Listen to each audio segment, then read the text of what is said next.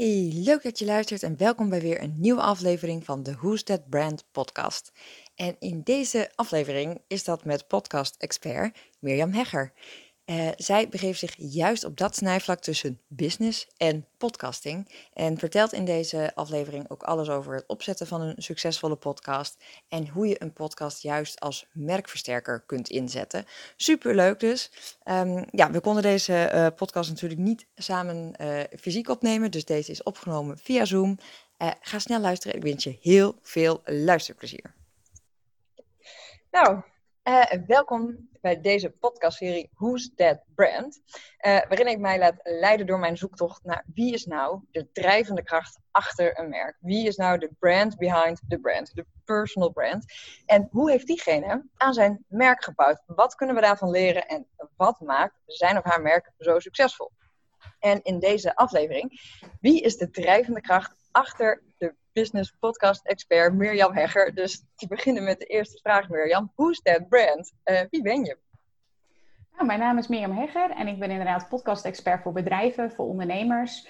En ik adviseer bedrijven um, slash ondernemers hoe ze uh, een podcast kunnen inzetten om een geheel eigen podium te creëren. Waarmee ze een trouwe fanbase creëren uh, en daarmee klanten aantrekken die bij ze passen. Dat is zo'n beetje hoe ik het uh, introduceer. Dus uh, mochten daar vragen over zijn, laat het even weten. Maar dat is wat ik doe. Ja, oh, nou, ja volgens mij was het een heel duidelijk, uh, hele duidelijke pitch eigenlijk.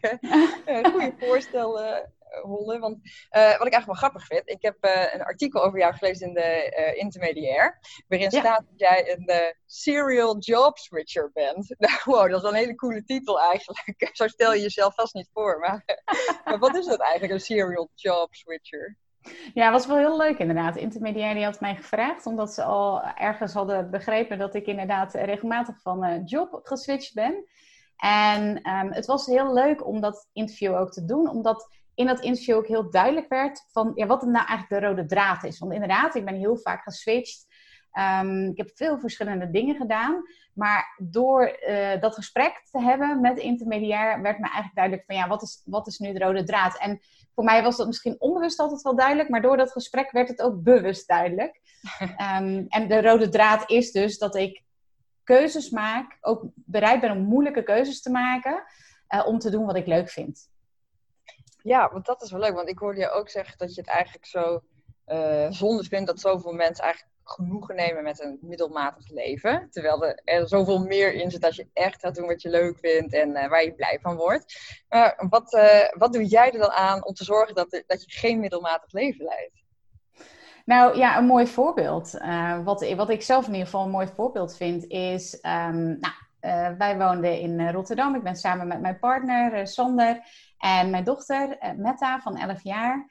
En wij woonden in Rotterdam. En wij woonden daar eigenlijk al wel een hele tijd. En Sander en ik die zeiden altijd tegen elkaar: Weet je, hartstikke leuk Rotterdam, maar wij willen er niet oud worden al die drukte en ja, ik weet het niet. Ik kom zelf uit Zeeland, uit Zeeuws-Vlaanderen zelfs. Hè. Dat is niet België, dat is een stukje Nederland. Het wordt nog wel eens verward. En ja, ik ben ruimte gewend. En, en ja, ruimte. Ik denk dat dat wel het belangrijkste is. En nou ja, wij kwamen dus in Rotterdam te, te wonen, min of meer per ongeluk. En we zeiden dus altijd tegen elkaar van, nou, ik, uh, ik, ik wil je niet oud worden, wij willen je niet oud worden. Maar eigenlijk deden we er niks aan. Hè? We, we, bleven daar maar zitten, want ja, we hadden een, een heel fijn huis. Uh, onze dochter kon daar lekker spelen, vriendjes, vriendinnetjes. En op een gegeven moment ja, hoorden we dat onszelf weer tegen elkaar zeggen van... Ja, maar we willen er niet oud uh, worden. En toen zaten we terug in de auto. Dat was, dat was vorig jaar um, mei, denk ik. Het is nu bij opname van deze podcast is het uh, begin april uh, eh, 2020. En dat was dus vorig jaar mei. En ja, wij zeiden tegen elkaar van, nou ja, weet je, blijven het maar zeggen tegen elkaar. Weet je, we zijn ondernemers. We moeten dat toch ook dan iets gaan doen, weet je wel. Anders zijn we toch ook niet meer geloofwaardig. En uh, nou ja, toen zijn we naar huis gereden en toen hebben, we, hebben we hetgeen wat we altijd al onbewust bij ons, of onbewust, maar in ieder geval als een soort sluimerend verlangen aanwezig was, hebben we serieus genomen. En dat was om de Randstad uit te gaan en om naar de Achterhoek te vertrekken. Maar waarom naar de Achterhoek en waarom ben je dan niet terug naar je roots gegaan, naar Zeeland? Ja, ja dat is inderdaad ook uh, een, een, een veel, veelgestelde vraag. Nou, we hebben inderdaad ook wel in Zeeland gekeken, maar op de een of andere manier kwam dat niet zo op ons pad. Ja, dat klinkt allemaal een beetje, een beetje abstract misschien en wazig. Um, maar ja, de achterhoek kwam telkens op ons pad. En ja, het voelde goed. En we hebben het voorgelegd aan onze dochter. Die was ook meteen enthousiast. Dat is ook toch best bijzonder voor een uh, kind van uh, destijds tien. Um, en toen zijn we hier gaan kijken. Nou ja, het is, het is eigenlijk een heel simpel verhaal. Uh, we, hebben, um, we zijn hier gaan kijken. We hebben besloten, we gaan hier wonen. Um, we hebben ons huis te koop gezet. We hebben een nieuw huis gekocht. En ja, we wonen hier nu. dat is eigenlijk het verhaal. Ja, en, en, en ja, dat is dus ook wel aansluitend op jouw vraag. Van ja, we hadden daar inderdaad gewoon kunnen blijven wonen. Want het was, het was prima, weet je wel. Het was, een, ja. het was een 7, het was een 8, zeg maar, op de schaal van 10. Uh, absoluut. Alleen, het was niet, het was niet extraordinary, zeg maar. Het was nee. niet echt wat, wat bij ons past en wat wij willen. En ja, heel veel mensen vragen, ja, moet je hier nu niet wennen? En ik zeg dan van, ik ben hier meer thuis dan ik ooit in Rotterdam al die jaren bij elkaar geweest ben. En hoe het er zit, I don't know. Maar ja. um, ik ben hier echt uh, heel blij. En dat, ja, ik vind dat wel een heel mooi voorbeeld van geen, middelma geen genoegen nemen met middelmaat. Dus nu is het een team. Ja, zeker. Ja, heerlijk. Ja, echt. We zijn super blij. Oh, wat cool. Ja. Ja, en, uh, nou, ik luister ook graag naar jouw uh, podcast, de Hooked on Business podcast. En uh, die is natuurlijk enorm goed beluisterd. Maar um, wat maakt jouw podcast nou zo succesvol? Ja, goede vraag, inderdaad. Dat, uh, dat krijg ik inderdaad uh, vaak te horen. Nou, ik denk sowieso, um, laat ik het al veralgemeniseren. Hè? Want je hebt luisteraars misschien die ook denken van, nou, zou een podcast iets voor mij zijn? En ik kan natuurlijk vertellen wat, wat mijn podcast succesvol maakt. Maar ik denk dat het ook leuk is om daar lessen voor anderen uit te halen, zodat ze daar ook um, mee kunnen kijken van, oké, hoe kan ik dat dan met mijn eigen podcast doen? Ik denk een heel belangrijk ingrediënt van, mijn, uh, van het succes van mijn podcast zit hem in het format. Ik heb een heel duidelijk format. Ik heb dat ook van tevoren uitgedacht. En hier komt dan ook het tweede. Dus het format is het eerste. Ik zal zo meteen daar wat meer over vertellen. En het tweede is dat ik een plan had. Uh, dus ik ben niet zomaar begonnen. Ik had echt een, een strategisch plan met hoe ik dat um, zou gaan opzetten, hoe dat eruit zou zien. En inderdaad, dus dat format. Hoe ziet dat format eruit? Um, ik interview mensen en ik heb eigen podcast. Hè? Dus ik, ik maak een, een, een, aflevering over een bepaald thema. Bijvoorbeeld over uh, hoe kan je meer sales draaien. Of hoe maak je een succesvolle podcast. Hè, die, neem ik zelf op. En ik doe interviews. En dat wissel ik af. Dan heb ik in de interviews altijd een rode draad. En die rode draad bij mij, hè, mijn podcast heet Hooked on Business. En de, de rode draad is altijd om te onderzoeken bij mijn, mijn gast. Van joh, het ondernemerschap, we zijn er allemaal een beetje aan verslaafd. Maar hoe zorg je er nu voor dat het een gezonde verslaving blijft? En die rode draad, die gaat eigenlijk in al mijn gesprekken, in al mijn vragen, zit dat. Niet letterlijk, maar dat komt terug. En daardoor wordt het heel makkelijk om keuzes te maken in, in de gasten, maar ook in het stellen van vragen. En bijvoorbeeld ook een onderdeel van mijn format is een beginvraag. Dus mijn beginvraag is altijd aan de gast: hoe hoekt dan business ben jij? En aan het einde zitten altijd persoonlijke keuzes. En op die manier is het heel herkenbaar voor mensen. En dat vinden ze gewoon prettig. Mensen houden nu eenmaal van ja, herkenning. En ik denk dat dat een succesformule is. En dus dat ik van tevoren heel goed had nagedacht over: oké, wat wordt precies mijn onderwerp? Wat wordt mijn format? Maar ook hoe vaak ga ik, hoe vaak ga ik publiceren? Um, wat wordt precies mijn doelgroep? En om daar van tevoren heel goed over na te denken, ja, dat is zeker ook een uh, ja, succesingrediënt, zou je kunnen zeggen. Ja, en um, nou, bij jou is het dan heel erg duidelijk. En ik heb ook wel gelezen van ja, een podcast kan wel echt werken als een merkversterker. Maar um, hoe zou je een podcast kunnen inzetten als merkversterker? Nou, leuk voor, als ik een, een voorbeeld mag, mag geven van een klant van mij. Zij is uh, Rachel Levy. Uh, ze noemt zichzelf creatieve wervelwind en zij is founder, dus, dus oprichter en eigenaar van het bedrijf Het Huis van Verbeelding. Nou, Rachel is een, uh, een creatieve wervelwind, hè, dus zij is enorm creatief. Haar, het team wat zij heeft, um, om even een voorbeeld te geven wat zij doen, zij um, tekenen bijvoorbeeld op um, events, maar ook tijdens vergaderingen van met name logge organisaties. Dus die heel veel jargon hebben en daar komen zij tekenen, waardoor dat allemaal in beeld wat makkelijker te begrijpen wordt. En zij is super creatief. Zij tekent niet meer vaak zelf. Hè. Dat laat ze dus haar team doen. Um, en zij heeft vorig jaar een festival georganiseerd. Dat heet Chaos in de Orde. En zij um, zei tegen mij van, joh, Mirjam, wil je me helpen met mijn podcast? Maar ik wil wel heel graag een podcast wat helemaal past bij mijn merk. Dus wat zijn we gaan doen? We zijn gaan kijken van, oké, waar staat jouw merk dan voor? Nou, in ieder geval, hè, creativiteit, verrassend, uh, transparant bijvoorbeeld. Dat, dat waren een paar kernwaarden uh, van haar bedrijf. En we zijn gaan kijken, oké, hoe kan dus haar merk, wat daar staat, hoe kunnen we daar een podcast op laten aansluiten? Nou, vooral hebben we ons laten leiden door creatief.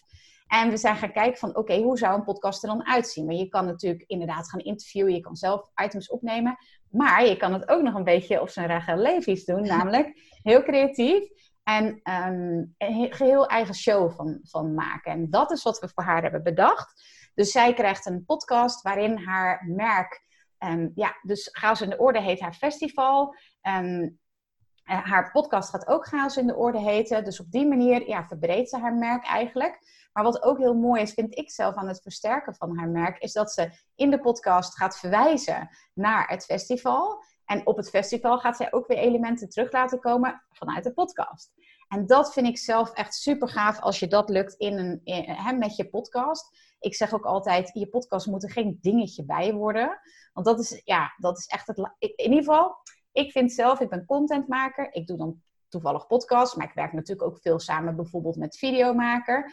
En ik vind zelf, wij als contentmakers, ja, we moeten niet ervoor zorgen dat, dat het er een dingetje bij wordt. Dat ondernemers maar nog meer moeten doen. Weet je, we hebben al veel te veel uh, genoeg te doen, zeg maar. Dus als je dus, wat ik al eerder zei, wat een onderdeel is van een successtrategie, een duidelijk plan hebt, dan hoort daar ook een duidelijk contentplan bij. En dat jouw podcast past in je strategie, inderdaad, in, en werkt als merkversterker, dat het past in je merkstrategie, maar ook in je contentstrategie. Want anders wordt het inderdaad een ding wat je erbij gaat, gaat pakken. En dat, ja, dat uh, is het laatste wat ik wil voor mijn klanten. Want die hebben al, die hebben al werk genoeg. Ik bedoel, Rachel bijvoorbeeld. Nou, die heeft, die heeft zoveel werk. En we hebben gekeken van hoe kan je podcast dan echt ervoor zorgen dat je content maakt, maar die content vervolgens ook weer optimaal gaat inzetten. Dus een onderdeel van haar podcast, om een voorbeeldje te geven, is uh, het, um, kijken hoe noemt ze het jargongedicht. Ja. Want zij werkt dus binnen een organisatie, haar ja. team, met heel veel jargon. Nou, super saai natuurlijk, maar als je daar een leuk gedichtje van maakt, dan is het opeens heel leuk. Dat hebben we ook opgenomen op video, dat hebben we natuurlijk op audio, want het is een podcast. Ja. En we, dat kan ze natuurlijk ook weer in tekst, heeft ze dat ook. En op die manier heb je heel veel content die je ja, op alle kanalen, op allerlei manieren kunt inzetten. Ja, het is gewoon het strategisch inzetten van de content door podcast. Ja. Uh, en echt ja. podcast onderdeel te gaan laten maken van jouw branding ook, omdat het jou ook als merk heel sterk neerzet. Precies. Als je een, goeie, ja, als je een goede podcast neerzet, dan, dan op, werkt het op die manier. Ik moet ook even denken aan andere klant, uh, Loes Heijmans. En zij is diabetes-expert. En zij komt nu met de diabetes-podcast. Weet je, dat ja. past helemaal natuurlijk bij haar brand. Nou, dat hoef ik verder niet uit te leggen. Nee. Uh, andere klant heeft nu de overgangspodcast. Zij oh, is... Um, uh, hij, ze doet veel met voeding, maar ook met mindset rondom de overgang, vrouwen in de overgang. Ja, en op die manier door de overgangspodcast hè, daar verhalen te vertellen van vrouwen um, in de overgang. Maar ook wat je kan doen met je voeding, met beweging, met relaties, nou ja, dat soort dingen. Um, ja, als het ware, ja, hoe moet je dat nou? Is het een soort uh, een portfolio van je merk? Een soort magazine kan je het ook zien van je merk. En dat is dan een podcast. Ja, je kan duidelijk je expertise laten zien. En voor je expertstatus is het ook goed. Uh, en mensen kunnen op die manier ook gewoon kennis met je maken en wat je allemaal in huis hebt. En je kan natuurlijk ook je passie delen daarin. En, uh, Zeker. Ja, het is gewoon een super mooi middel. En ik weet dat je kan er natuurlijk uh, heel veel mee. En het leuke is dat jij ook wel wordt geïnterviewd nu ook voor podcast. En ik zie natuurlijk ook interviews van jou ook. Dus intermediair en tijdschriften. Want mensen zijn toch ook nieuwsgierig naar die ondernemer achter zo'n merk. De brand behind the brand. En dan was jij in eerste instantie natuurlijk de Mirjam van Four Waves. Maar nu profileer je ook natuurlijk meer onder je eigen naam. Hè? Je hebt ook meer mirjamhegger.nl. En um, zie je jezelf ook wel echt bewust als een personal brand? Ja, heel erg leuk. Ik, ik kom zo nog even terug op je vraag. Want ik, ik wou nog even terugkomen tot expertstatus, wat hier zeker ook mee te maken heeft. Ja. Want inderdaad, hè, ik, ik was eerst onderdeel van Four Waves. Samen met mijn man hielpen wij ondernemers om, uh, om te groeien business coach, zou je het ook kunnen zeggen. Ik heb me nooit echt thuis gevoeld eh, in dat jasje. Hm. Ehm, en ik werd steeds meer gevraagd, omdat ik dus inderdaad een succesvolle podcast heb van... joh Mirjam, zou je mij willen helpen met mijn podcast? En op een gegeven moment, nou, lang verhaal kort, ehm, heb ik besloten om vanaf 1 januari dit jaar... om me helemaal te richten op podcast, omdat dat zo vaak op mijn pad kwam... En doordat ik dus die keuze heb gemaakt om echt helemaal die expertise van podcast-expert uh, voor bedrijven, voor ondernemers, om dat helemaal te omarmen, ja, word ik dus ook opeens, lijkt het wel, gezien als de podcast-expert. Terwijl ik dat daarvoor ook was. Ik bedoel, ook was, ja. die podcast heb ik al, al heel lang. En voor mijn vorige bedrijf had ik ook een podcast. En ik heb al veel mensen daarmee geholpen. Maar nu ik dat ook daadwerkelijk inderdaad nu als een brand neerzet ja, gaan ze me ook zien als een, als een expert. En dat vind ik ook echt super gaaf sowieso aan een podcast. Maar ook, en dat is terugkomend op je vraag over personal brand, om dus je helemaal te profileren als personal brand. Ik vind dat echt heel gaaf. Want op die manier ja, ben je je eigen merk, zeg maar. Ja. En ja, ik laat dat niet alleen als podcast-expert, maar ook hè, die, die, dat snijvlak, zoals ik het altijd uitleg, tussen podcast en business, zeg maar. Dat is helemaal mijn ding. Dat is helemaal mijn personal brand. En daar horen natuurlijk ook weer um, merkwaarden bij als uh, transparantie is voor mij ook heel erg belangrijk. Vrijheid, ehm, zorgvuldigheid, dus, dus echt die, um, die expert zijn. Ja, dat, dat, dat vind ik wel echt heel, heel erg leuk om dat, om dat te zijn. En ik heb ook dus inderdaad bewust voor gekozen om een uh, personal brand te zijn. En ik, ik merk ook wat dat voor je doet als je dus dat helemaal omarmt, zal ik maar zeggen. Ja, ja. Wat, wat, wat doet dat dan? met jou? Ja, ik word nu zo vaak gevraagd voor inderdaad. Uh, um, um, ik was laatst in een panel uh, gevraagd. Ja. in, in, in een aantal groepen wil je daar een, een webinar geven. wil je bij ons als expert. En, en nu, nou, ook vorige week weer twee mensen die zeiden van: ik wil een soort van online. Um, uh, database maken. Van, of een, de ene is een groep en de andere is die wil een soort programma maken met allemaal experts erin. Wil jij dan als podcast-expert? Ja. ja, weet je, het, het, het, houdt niet op. Dat is nu gewoon jouw naam, Mirjam, de podcast-expert. ja, ja, ja. En uh, ik heb dat ook wel echt omarmd, omdat ik eerst zoiets had van ja, expert, expert. Maar men, eh, serieus, het was gewoon niet te ontkennen. Mensen zien je dan ook echt als een podcast-expert. En op een gegeven moment heb ik gedacht, oké, dan ben ik dus die podcast-expert. En ja, om heel eerlijk te zijn, ik had, ik had laatst ook weer een acquisitiegesprek met een groot bedrijf. En dan, uh, dan zit ik daar inderdaad al mijn, uh, mijn kennis te spuien. En dat zij ook zeggen van, nou, ik uh, ben blij dat we, dat we een echte expert erbij ja, hebben precies. gehaald. En dan denk ik van, oké, cool, weet je. Ik vind het fantastisch om te doen. Hè? Dat is mijn keuze om niet voor middelmatig te gaan, maar echt te gaan voor dat wat ik gewoon fantastisch leuk vind. Ja. En ja, als je daar dan ook nog eens mensen mee kan helpen, ja, dan heb je volgens mij wel echt gewoon die middelstring in dat dartboard gevonden. Echt gewoon, ja, bullseye, zeg maar. Ja. Heel cool. En dan omarm je dat meer en dan ben je natuurlijk ook online op die manier zichtbaar. En dan ben je ook wat meer dat personal brand. Maar um, wat ik me als afvraag, maak je bijvoorbeeld ook hele specifieke afwegingen online wat je post of niet? Bijvoorbeeld privé situaties of uh, foto's van je dochter of dat soort dingen. Nou je echt denkt, ja, maar ik wil wel echt als die expert gezien worden. Of uh, ben je daar niet zo bewust mee bezig? Ik ben daar wel bewust mee bezig. Ja, ik ben er wel bewust mee bezig. Zonder dat heel berekenend te doen, denk ik. Dat, dat, of in ieder geval zo voelt het niet voor mij. Um, maar ik denk er wel over na. Ik denk wel na over inderdaad, heeft dit waarde? Voor mij moet het altijd waarde hebben voor mijn volger of voor mijn nieuwsbrieflezer of voor nou ja, wie me dan ook uh, interessant vindt. Um, wat in het voor them, zeg maar? En ik zal nooit zomaar iets delen voor de fun of it. Nou, misschien ook wel. Soms doe ik ook wel eens iets voor de fun of it. Weet je, dat is ook zeker onderdeel van mijn, van mijn brand. Dat het licht is en dat het uh, fun mag zijn. Maar um, nee, het moet wel echt waarde hebben. Dat is wel mijn... Maar dat kan dus ook een privé situatie zijn. Ja, kan ook. niet zo, heel, niet zo heel veel doe. Maar um, um, als ik, ja, wat, dan zou ik even mijn feed moeten kijken. Ik weet zo geen uh, duidelijk voorbeeld. Maar als er iets inderdaad zich voorvalt met mijn dochter en, en, of met mijn man of weet ik veel wat. Uh, of in, in de privé-situatie, dan, dan, en dat heeft relevantie voor mijn volger, dan zal ik daar wel wat over delen. Ja, vind ik ook wel hartstikke leuk. Vind ik zelf namelijk ook leuk. Ik vind het zelf ook leuk om een kijkje achter de schermen bij andere ja. brands te krijgen. Ja, precies. Ja, dat is wel leuk. Want jij bent ook wel erg thuis uh, in de wereld van, uh, nou, ook van de business coaching, maar ook positioneren. Hè? En uh, bij het positioneren, helemaal merkpositionering, komt natuurlijk ook veel meer neer op de positie die je inneemt in het brein van je klant of in het hart van je klant. Uh, en daardoor willen mensen je ook graag leren kennen. Dus hè, waar staat het merk voor? Wat is het karakter van een merk?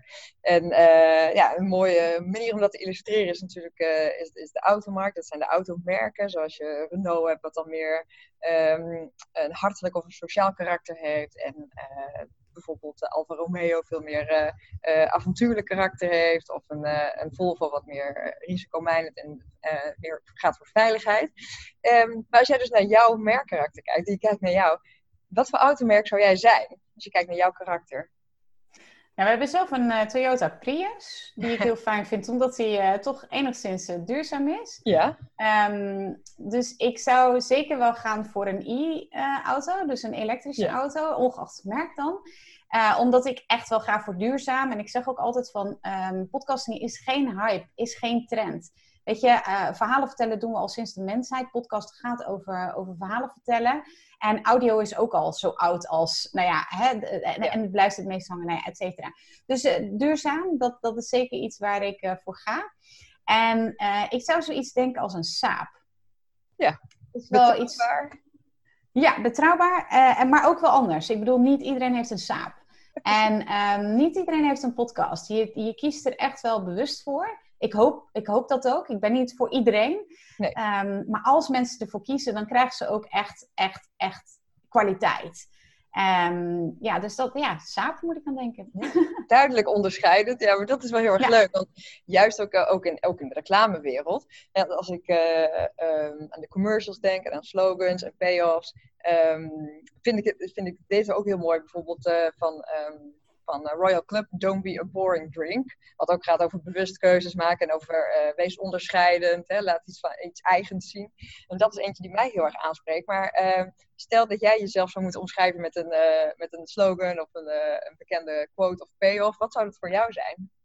En bedoel je dan mijzelf of mij als personal brand? Ja, ja voor jouzelf. Ja. Um, ja, het zal waarschijnlijk zijn dat ik nooit echt doorgebroken ben in de reclame, dat er nu niet iets direct te binnen schiet. Um, als wel dat er, dat er uh, ja, dus ook wel iets van duurzaam in zou zitten, maar ook wel fun. Uh, ja. Zeker als ik dus met klanten, want, want ik doe eigenlijk twee verschillende dingen. Ik leer mensen om het zelf te doen, om zelf hun eigen podcast op te zetten. En ik doe het samen met klanten. En als ik het samen met klanten doe, ja, dan is dat, dan krijgen ze ook wel echt, uh, dan krijgen ze ook wel echt wat. Dan krijgen ze mij en dan krijgen ze alles van Sander en dan is het gewoon uit handen genomen, zeg maar. Um, ik ben heel zorgvuldig en ik ben ook heel trouw. Dus uh, als, als uh, business coaches werden we ook wel de Labradors onder de business coaches oh, ja. genoemd. dus ik vroeg me altijd af, is dat nou een, een, een, een um, compliment? Want Labradors zijn ook wel, ja, zijn ook niet heel onderscheidend. Want heel veel mensen hebben een Labrador. Tegenwoordig is dan de Labradoodle. Maar anyway, uh, ik vroeg me altijd af van, maar dat, dat betrouwbare, dat loyale, dat, dat vind ik zeker wel, dat, dat ben ik ook zeker. Ik vind het ook altijd fantastisch als klanten verlengen. Uh, ik zal er ook alles aan doen om mijn klant zo goed mogelijk te helpen als dat niet is. En we hebben wel eens een keer een, uh, in plaats van een vijf sterren recensie, een vier sterren recensie gekregen. Nou, dat was best wel een dingetje. Want ja, ik... dat was uh, een, een, dolk in je hart of... nou, niet zozeer voor mij, als dat ik wel, dat ik ook zei van, ik hoef niet zozeer een vijf sterren recensie, maar ik wil jou wel een vijf sterren ervaring geven. Hè, dat, zo heb ik het dat ook aan hem uitgelegd. Um, sowieso ja, was het wel een beetje gek, omdat hij zelf had gezegd dat het een goede ervaring was. Uh, en toen heeft hij dus op uh, Google heeft hij onze recensie van vier sterren gegeven, waarin hij wat uh, minpunten had, waarvan ik dacht, ah, had het gezegd, dan hadden we het ja. opgelost. Dus natuurlijk ben ik meteen in gesprek gegaan van, om te kijken van, joh, hoe kunnen we je alsnog een vijf sterren ervaring geven? Want wij gaan bij onze klanten wel echt voor een vijf sterren ervaring. En um, dat je onze vier sterren recensie geeft, dat boeit me eigenlijk niet zo. Daar lig ik niet zo van wakker. Maar ik vind wel, um, ja, ik wil altijd kijken van hoe kan ik, hoe kan ik die ervaring zo opkrikken dat je wel een vijf sterren ervaring hebt. Dus um, ja, dus betrouwbaar, loyaal, dat, dat zal er allemaal in zitten. Ja. Fun. Ja. Ja, en het beste eruit willen halen. Alles eruit willen halen dus. En het was ja. dus niet een ego-dingetje. Je wil gewoon het, het allermeeste geven. Ja, zeker. Zeker. Zonder mezelf weg te geven. Want ik uh, kan ook heel goed uh, voor mezelf zorgen. Dus uh, het is ook niet zo dat ik maar alles van mezelf weggeef ten koste van of ten, ten, ten faveur van die klant.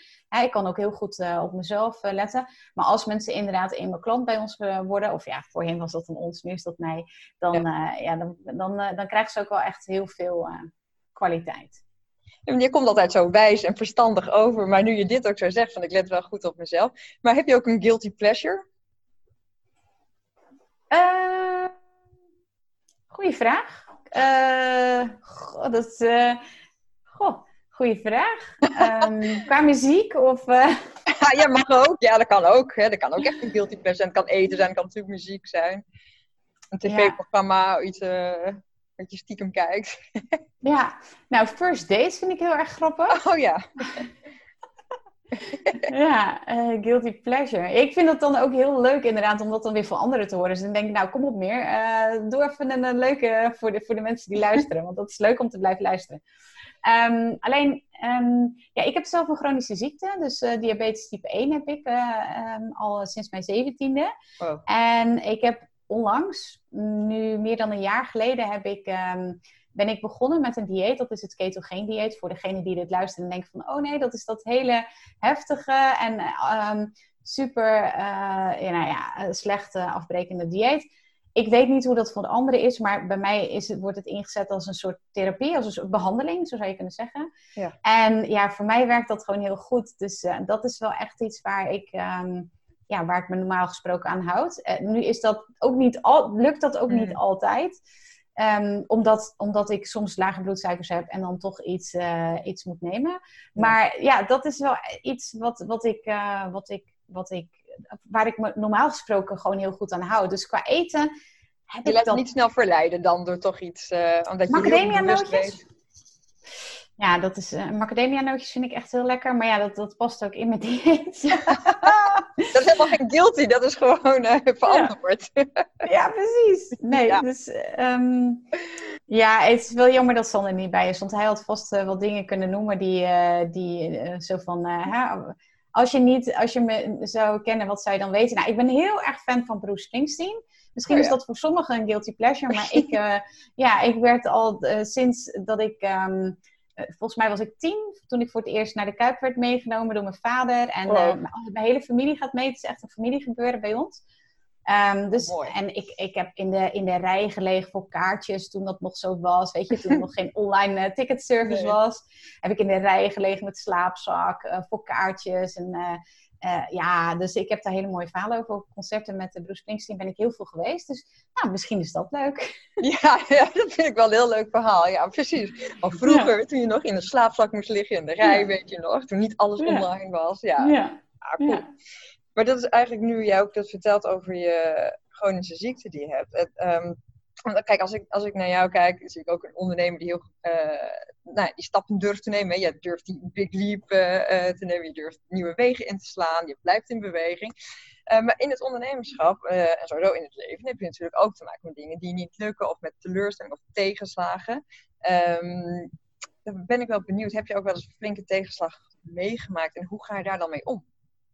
Ja, het, het, een, een, tegenslag die ik uh, wel vaker ook gedeeld heb, dat, dat is een tegenslag. En toen we in die situatie zaten, toen zeiden we ook al van, oh joh, dit is echt wel een hele mooie situatie om later te delen. Hm. Maar het was toch wel een beetje treurig. Um, dat is nu bijna drie jaar geleden. Toen, um, uh, ik had eerst een ander bedrijf, Mindful Parents, waarin ik ouders hielp met opvoedstress. En ik ging steeds meer mijn man helpen die um, ondernemers hielp met bijvoorbeeld Facebook adverteren. Nou ja, laat ik het even kort samenvatten. Funnels.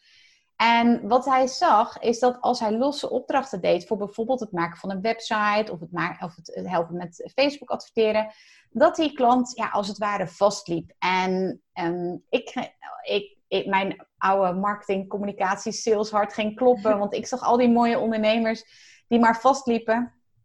En ik vroeg eh, op een gegeven moment zijn we gaan vragen van oké, okay, mag Mirjam jou daar ook bij helpen? En dan helpen we je met het hele proces, zodat je ook echt meer gaat verkopen en zodat het ook echt beter gaat met je bedrijf, zeg maar.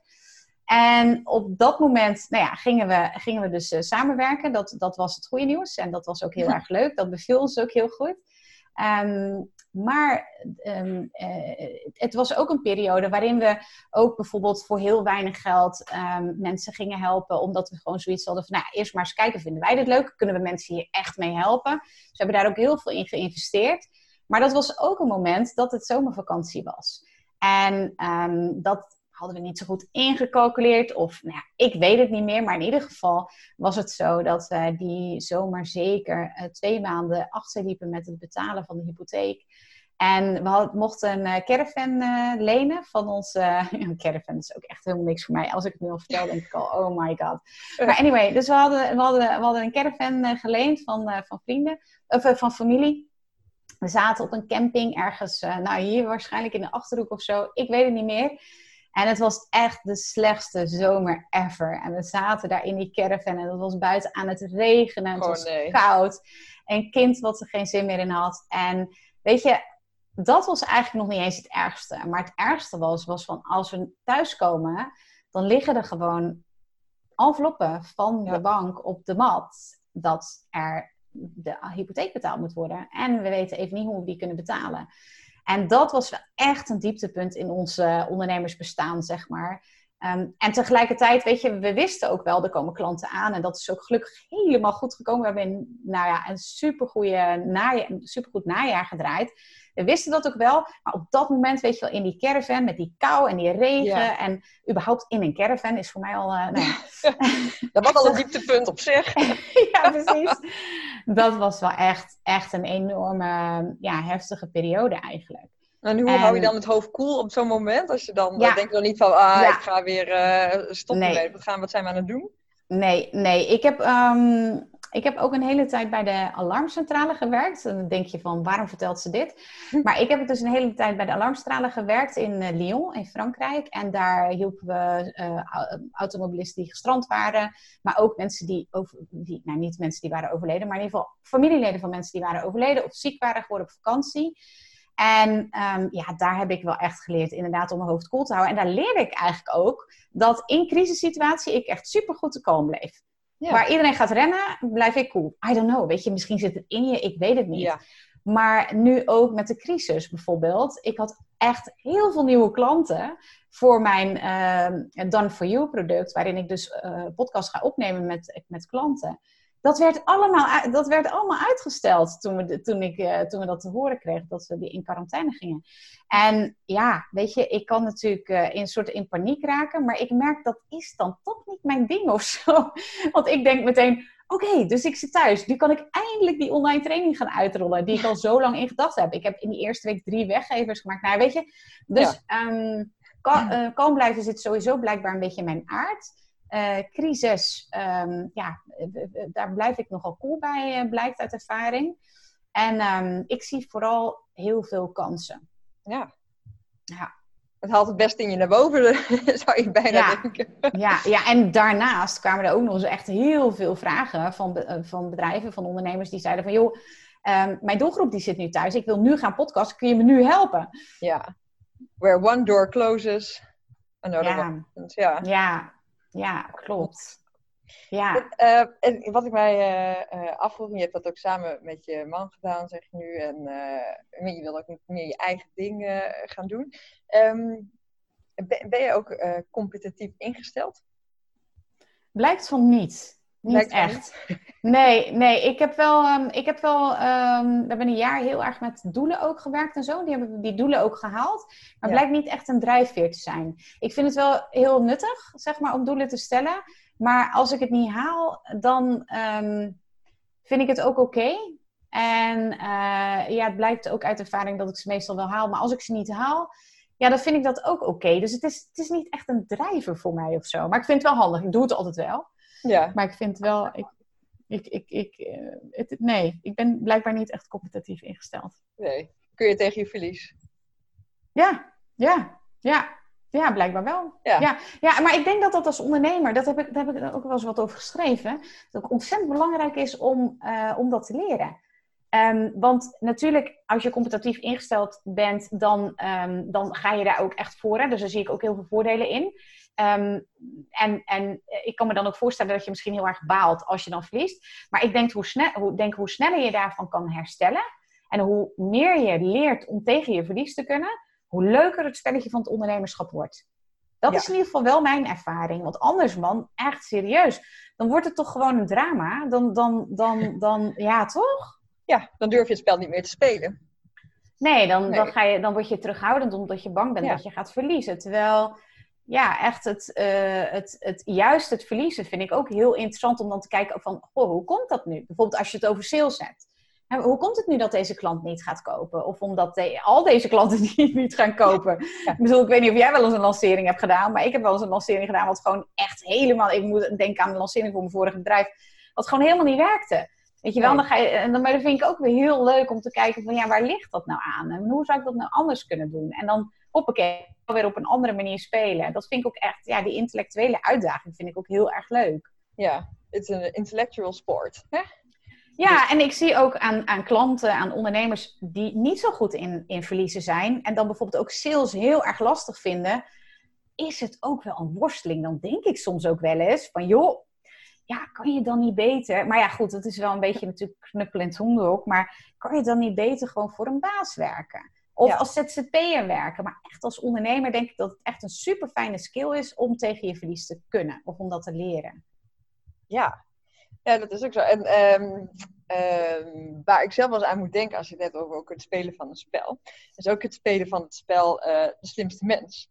Want uh, in het finale spel, dus met Philip Freriks, vraagt hij altijd aan de kandidaat: noem zoveel mogelijk dingen over. Uh, en dan een bepaald onderwerp, wat echt gaat over het oproepen van associaties. Dus stel dat dat finale spel gespeeld zou worden en de vraag zou zijn: noem zoveel mogelijk kenmerken op over Mirjam Hegger. En bij vijf goede antwoorden heb je dan het spel gewonnen. Welke vijf antwoorden um, zouden ze hebben bij jou? Welke vijf associaties zouden mensen echt bij jou hebben? Ik hoop uh, liefde, want dat is toch natuurlijk mijn drijfveer voor alles. Hm. Weet je, als ik dat niet kan overbrengen, dan zou ik het echt heel treurig vinden. um, ja, verbinding. Um, uh, ja, wat, wat, voor mij, wat voor mij heel erg belangrijk is, is geven. Dus ik doe ook altijd, hè, dus ik heb een benefiet-event georganiseerd. Uh, met, met een prachtige opbrengst. Ja, dat, dat weet je, daar laat ik wel van op. Dan kan ik weer uh, zo'n jaar verder, bij wijze van spreken. Dat vind ik fantastisch. Dus ik, ik, ik, ik um, zou het wel heel gaaf vinden als mensen dat herinneren als ik morgen dood neerval of zo. Ja. Dus liefde, verbinding, geven. Um, in ieder geval is dat voor mij heel belangrijk. Want eigenlijk, heel, ja. sorry, maar wat mensen van mij vinden, vind ik ook weer niet zo heel erg belangrijk. Um, nee. Het, het, gaat erom dat ik uh, mezelf in de spiegel s'avonds kan aankijken. En, en dit zijn wel belangrijke. Nou, vrijheid is een, is een hele belangrijke. En ik denk dat mensen dat ook wel zeggen. Want die zien mij allemaal keuzes maken waarvan ze denken... Huh? Oké. Okay. Ja. Uh, dat, dat is soms niet helemaal uh, in lijn der verwachting. Dus vrijheid. Uh, nog eentje. En follow the ehm, joy. Ja, precies. Dus lichtheid, ja. lichtheid, fun. Follow the joy. Ja, dat, dat, dat, dat zal het wel zijn. Ja. ja. Ja, precies. Dat typeert jou wel echt. Dat, ja. dat kenmerkt jou. wat ook heel leuk is, want je bent eigenlijk eerst gestart, dat zei je net al even, als ander, ander type ondernemer hè, in de mindful parenting. Ja. Um, vanuit daar meer in het business coaching. Um, en dan wordt er online, als je kijkt op social media, er wordt heel veel gesproken over uh, je moet purpose-driven uh, ondernemen. Hè? Je kan eigenlijk bijna niet starten als je je purpose niet helder hebt. Maar als je dus verschillende dingen hebt gedaan, je bent in eerste instantie begonnen met het mindful parenting. Uh, ben je toen ook echt vanuit purpose gestart of is dat eigenlijk pas later ontstaan? Nou, wij werken heel veel met de Big Leap van Gay Hendricks. Ik weet niet of, je, die, uh, of je die kent. Ja. En hij heeft het over vier zones. En je hebt de Zone of Excellence en je hebt de Zone of Genius. Die andere twee zijn eigenlijk uh, minder relevant slash interessant. Um, en de Zone of uh, Excellence, dat is dus zone 3. Dat is een hele interessante, maar ook een gevaarlijke zone. Want in die zone blijf je dus een beetje hangen, waar ik het eerder in het interview had, op een 7 slash 8, zeg maar. Um, kan soms ook een, een, een, matig zesje zijn. Je doet dus wel dingen, maar in die end, zeg maar, levert het je niet zo heel veel energie op. En dat is, dat is heel tricky. Want als ik hiermee werk met, met ondernemers, ja, maar ik vind het allemaal leuk, weet je wel. Ja, oké, maar als je bij de bakker bent, ga je ook niet alle gebakjes nemen. Of je gaat ook niet elke dag naar de bakker om, om slechte bakjes, zeg maar, te nemen. Dus um, er is altijd iets wat jij het allerleukst vindt. En dat, let op, is je zone of genius. Dat is iets waar jij zo goed in bent. Um, waar, waar niemand anders zo goed in is als jij. En dat levert je ook nog eens energie op. Dat kan een enorme blinde vlek zijn. En op die manier, waarom vertel ik dit? Op die manier ehm, heb ik ook altijd mijn keuzes gemaakt. Ik kwam erachter, ik kende dat hele boek trouwens toen niet hoor. Maar ik kwam erachter dat ik in mijn zone of uh, excellence zat. Dus dat ik een soort van middelmatigheid had bereikt. Een soort plafond. En dan ging ik weer mijn big leap nemen. En dat um, heb, ik, heb ik heel vaak gedaan. Dus bijvoorbeeld inderdaad ook, hè, ik heb op scholen gewerkt, um, ouders met opvoedstress geholpen, pubers. Um, en ik merkte, daar zat een plafond. Daarvoor heb ik bij NRC Handelsblad gewerkt, bij ANWB, salesfuncties, commerciële functies. Ik had daar mijn plafond bereikt. En zo ging ik elke keer weer kijken, maar wat, wat is er nog meer? Wat is nog meer mogelijk? En dan schrik je heel erg. Of in ieder geval, bij mij was dat bijvoorbeeld vorig jaar als, als, als uh, het meest recente voorbeeld. Uh, was dat soort schrik van, ja, maar weet je wat we allemaal hebben opgebouwd samen. En we hadden, we hadden heel mooie klanten en mooie resultaten ook. Ik bedoel, we kunnen wel leuke die mensen helpen. Maar het gaat natuurlijk om de resultaten die ze behalen. Nou, dat, dat zat gewoon allemaal heel, heel erg goed. En ja, als je er dan toch achter komt dat er iets is wat je nog leuker vindt en waar je blijkbaar nog beter in, in bent, want ik kreeg daar allemaal vragen over, ja, dan is dat in eerste instantie best wel een shock. Kan dat best wel een shock zijn, laat ik het zo zeggen. In mijn geval is dat meestal altijd een beetje een schok. Dan volgt een periode van verwarring, heb ik ook weer gehad, eind vorig jaar. En dan uiteindelijk ga je die big leap nemen. Of niet, dan blijf je lekker in die middenmatigheid hangen. Dat is natuurlijk ook helemaal prima als je daar akkoord mee bent. Maar ik ben er nooit mee akkoord. En dan ja, ga, ik, uh, ga ik die big leap nemen. En dan um, neem ik die uh, sprong. Ja, en dan zit je dus nu, zou je zeggen, je hebt weer die big leap genomen in je, je zone of genius eigenlijk. Maar ja, hier houdt het natuurlijk nog niet op, hè? Want stel dat ik jou nou weer tref over tien jaar of zo. Uh, welke leap heb je dan gemaakt? Dus waar sta je dan?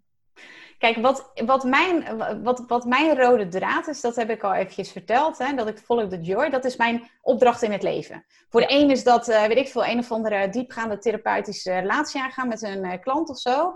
Um, en dat heb ik ook geprobeerd. maar dat, was niet mijn, uh, dat bleek niet mijn purpose te zijn. Nee, nee. Dus, dus um, ik ben daar ook veel te ongeduldig voor en veel te enthousiast en weet ik het wat. Uh, dus mij, en, en ik ben erachter gekomen, hè, deep soul searching, uh, therapie, weet ik het allemaal. Dat zal ik je allemaal besparen. Bottom line, ik, mijn purpose in het leven is follow the joy. Ik heb echt die lichtheid te volgen. Ja. En um, even kijken, ik ben even de. de ja, dus wie weet over tien jaar welke joy je dan aan het uh, followen bent, zeg maar. Precies. Ja. Dus, dus de rode draad is, is helder. En wat de rode draad in mijn werk is, dat ben ik ook achtergekomen, is namelijk nieuwsgierigheid. Dus ja. als het goed is, over tien jaar spreek jij mij. En dan kan ik nog steeds mijn, mijn gift, zeg maar, zoals ik dat zie. Dat is die nieuwsgierigheid. En altijd heel erg oprechte interesse hebben in die ander. Want het schijnt ook niet zo uh, voor de hand liggend te zijn. Dat, dat, dat kan ik toepassen.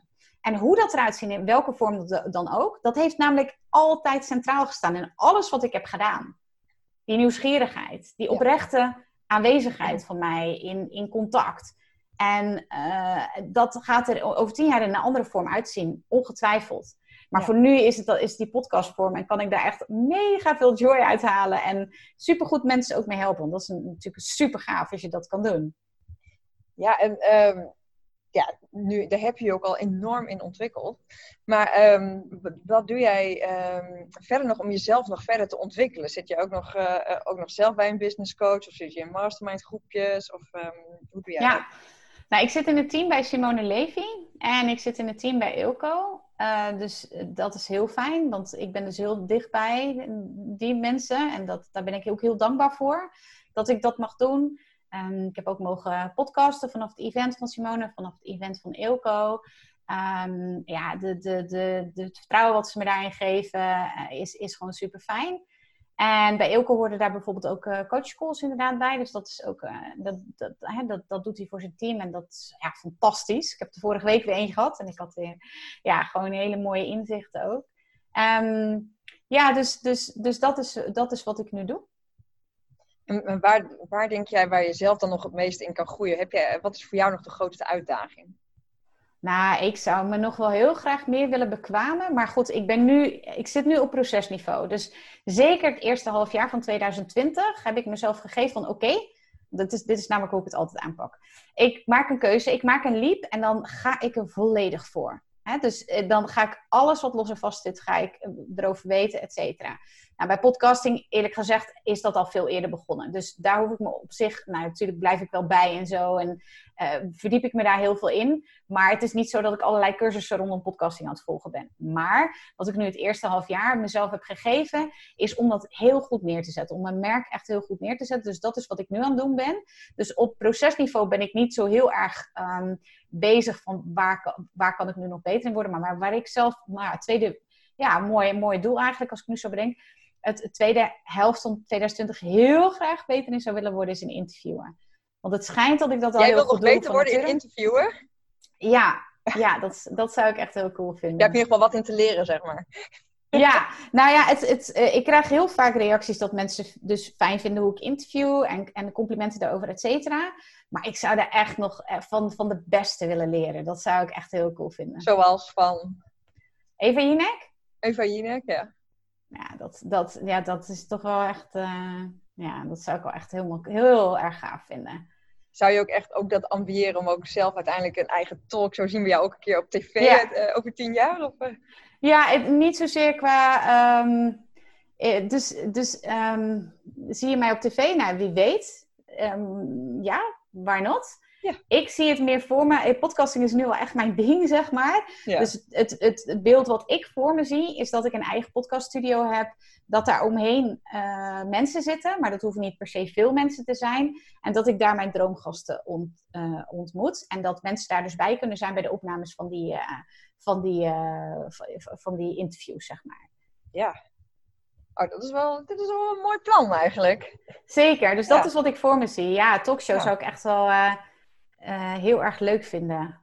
Maar ja, dus ik, ik heb daar wel een voorbehoud van. Kijk, het talkshow wat ik dan voor me zie is een soort van de wereld draait door. Of, en dat gaat heel erg over one-liners en over uh, een soort van promotietoestand. Uh, ja, en dat is echt niet mijn ding. Nee. Daar ben ik niet zo goed in, zeg maar. Waar ik wel goed interviewen.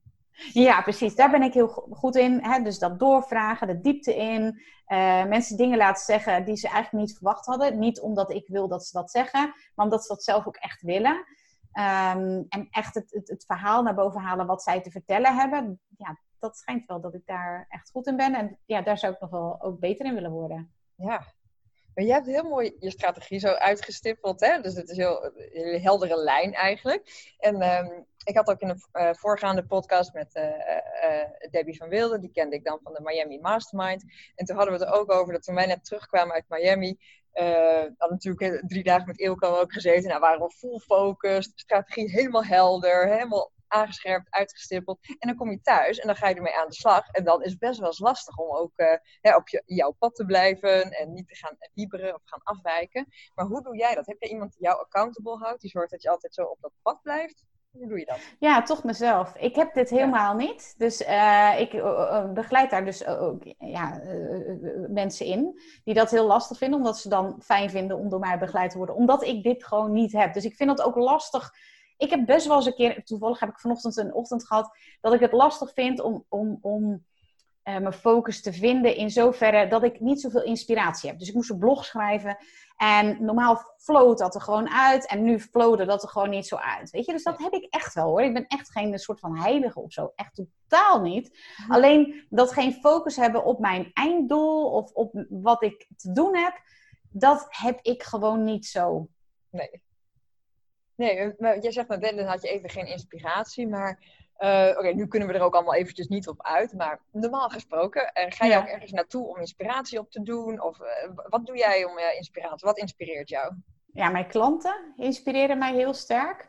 Dus ja. als, ik, als ik klanten spreek, dan maak ik ook heel vaak, want ik ben ook heel actief op, dus inderdaad, ik heb een podcast, Hooked on Business, maar ik ben ook heel actief op Instagram, Mirjam Podcast Expert daar, daar maak ik bijna dagelijks. Nou ja, ik heb toevallig nu niet dagelijks gedaan. Maar normaal doe ik dat altijd dagelijks. Dus vandaar dat ik zeg bijna dagelijks. Maar dagelijks maak ik daar Insta-stories, dus heel veel video's. En uh, ook uh, posts schrijf ik. Ik uh, maak wekelijks een blog op LinkedIn.